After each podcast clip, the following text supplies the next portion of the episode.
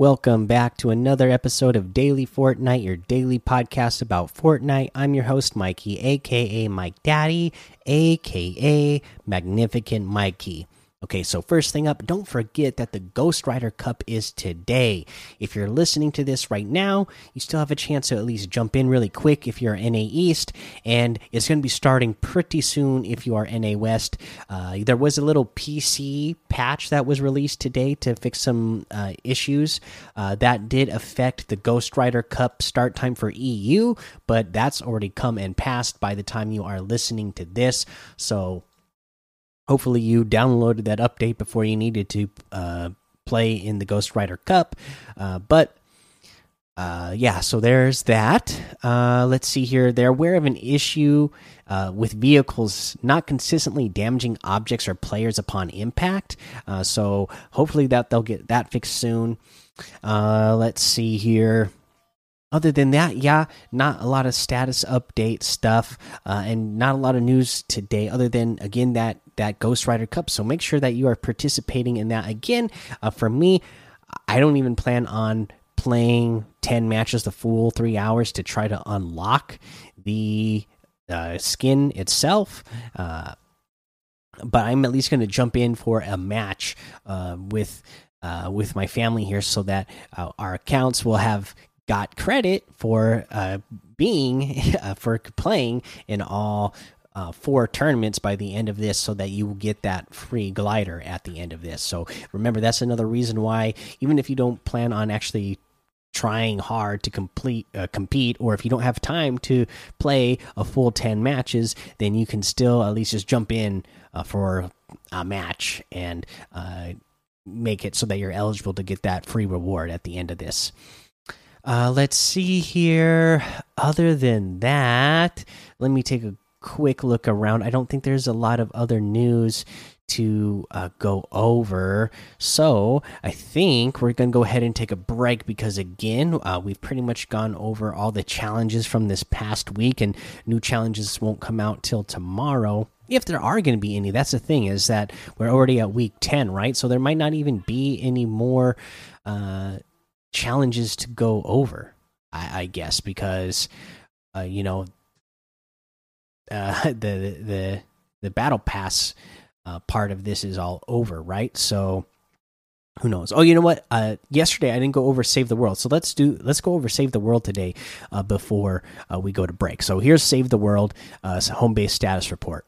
Uh, hello, commanders. The spooks and haunts of Fortnitemares are winding down in Save the World, with content returning to its crypt on November 20th. Here's a look at what's coming in frightful in the frightful final weeks.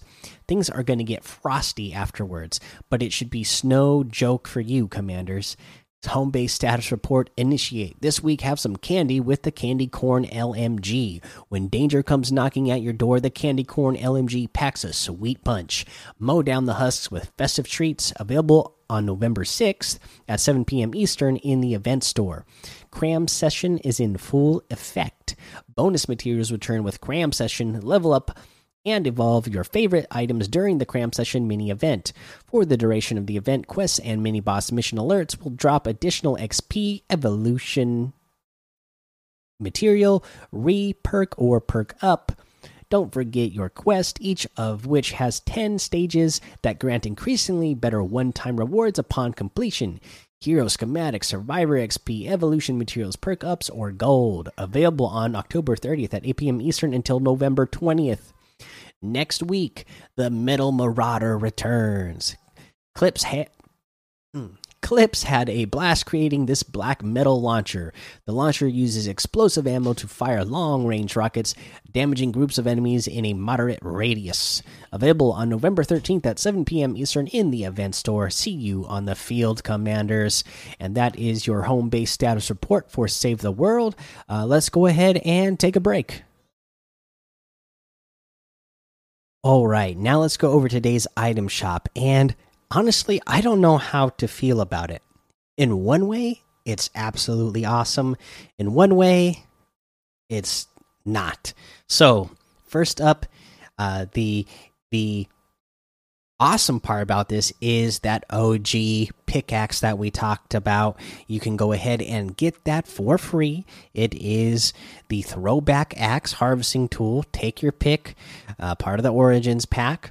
You get it for free. Uh, you know, that default pickaxe, the original one from Chapter 1, for free. That is pretty awesome. Uh, you got to feel good about that, right? Uh, but here's where I'm kind of feeling like ah, this is iffy. Now, it's cool. Don't get me wrong you can get all the OG skins back in the game as well. So first up, we have the Royale Originals. Uh, this is a pack. You can get this pack for 2,000 V Bucks. Normally, to get each of these separately, it would be 3,200. So you get a savings. But in this, you get the Vintage Ramirez, the Vanguard Banshee, the Wild Streak one, and the Headhunter Prime.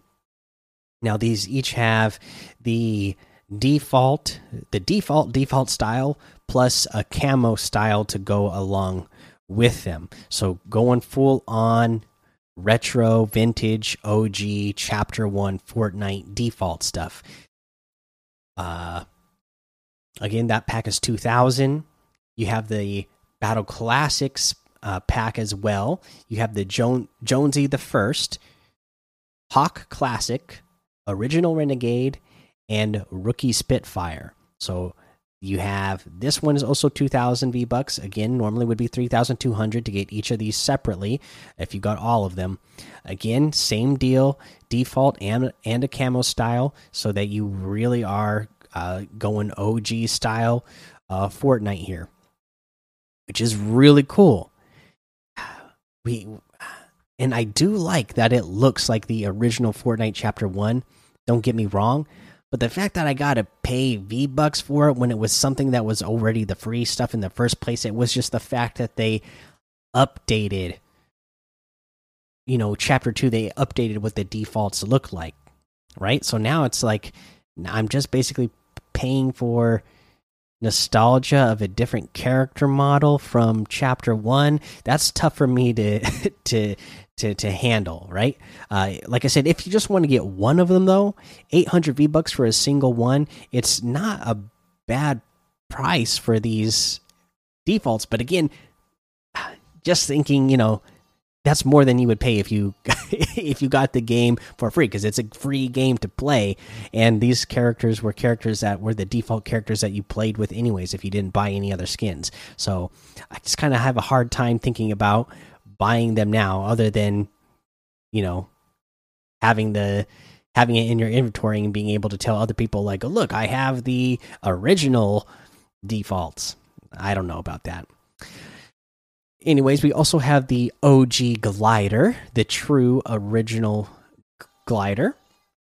So again uh, just the very basic model not updated at all what the original glider looks like again for 500 uh, we have the Oblivion outfit with the Destabilizer backbling for 2000, the Switch Up music for 200, the Work It emote for 500, the Rock Paper Scissors emote for 200, the Smooth Moves emote for 800, and the Komplex outfit with the Purple Jam backbling for 1200 you can get any and all of these items using code Mike Daddy M M M I K E D A D D Y in the item shop, and some of the proceeds will go to help support the show.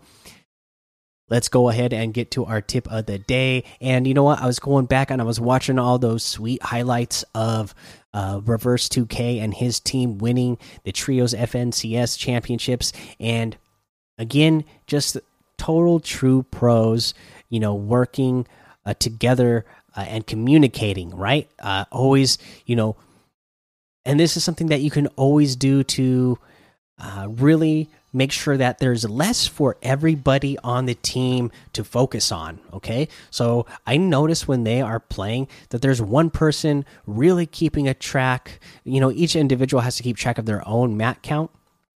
But there's usually, I notice somebody on the team is in charge when they are they know that hey this person is the best and fastest at editing so if somebody has extra material or if that person needs more material uh, the other teammates are giving up that material to that player that they have uh, designated their uh, their builder and editor through tunnels so they're the one tarping Okay, that's that's the person that's set to that. They I noticed that they have somebody uh, you know, like I said, they're doing a very good job of communicating, and it seems like they have certain things that uh, a single person would focus on, like especially when you get to the end game and the storm is moving.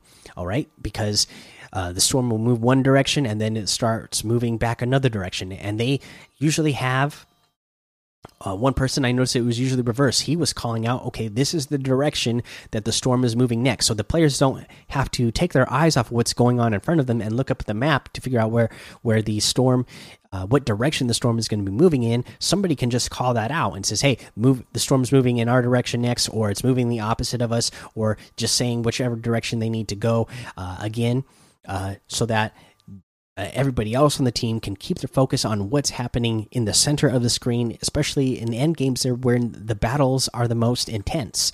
Um, you know, uh, they got somebody uh, probably carrying, especially in these team games, you know, carrying a uh, a bandage bazooka, making sure that the team is good on heals, or carrying uh, the fish to make sure they, they can drop them. That way, uh, the team is good on heals. That that sort of stuff. Again, just making it, uh, picking out certain small details that you dedicate to one person on the team. That way, the other two can stay focused on other things going on, and it just kind of helps the team uh, coordinate a lot better. So when you are practicing with your team, whether it's a duo or a trio or a squad, um, you know, if you are a competitive, serious player, uh, try that out uh, of designating even the small details of who's communicating what details, who's going to be looking up at their map to figure out where the storm is moving and communicating that to the rest of the team. That way, not everybody on the team has to take their eyes off the center and look uh, up where the map is, you know, that sort of thing. All right, guys, that's the episode for today. Go join the daily Fortnite Discord and hang out with us. Follow me over on Twitch, Twitter, and YouTube. It's Mike Daddy on all of those. Head over to Apple Podcasts, leave a five star rating and a written review for a shout out on the show. Make sure you subscribe so you don't miss an episode. And until next time, have fun, be safe, and don't get lost in the storm.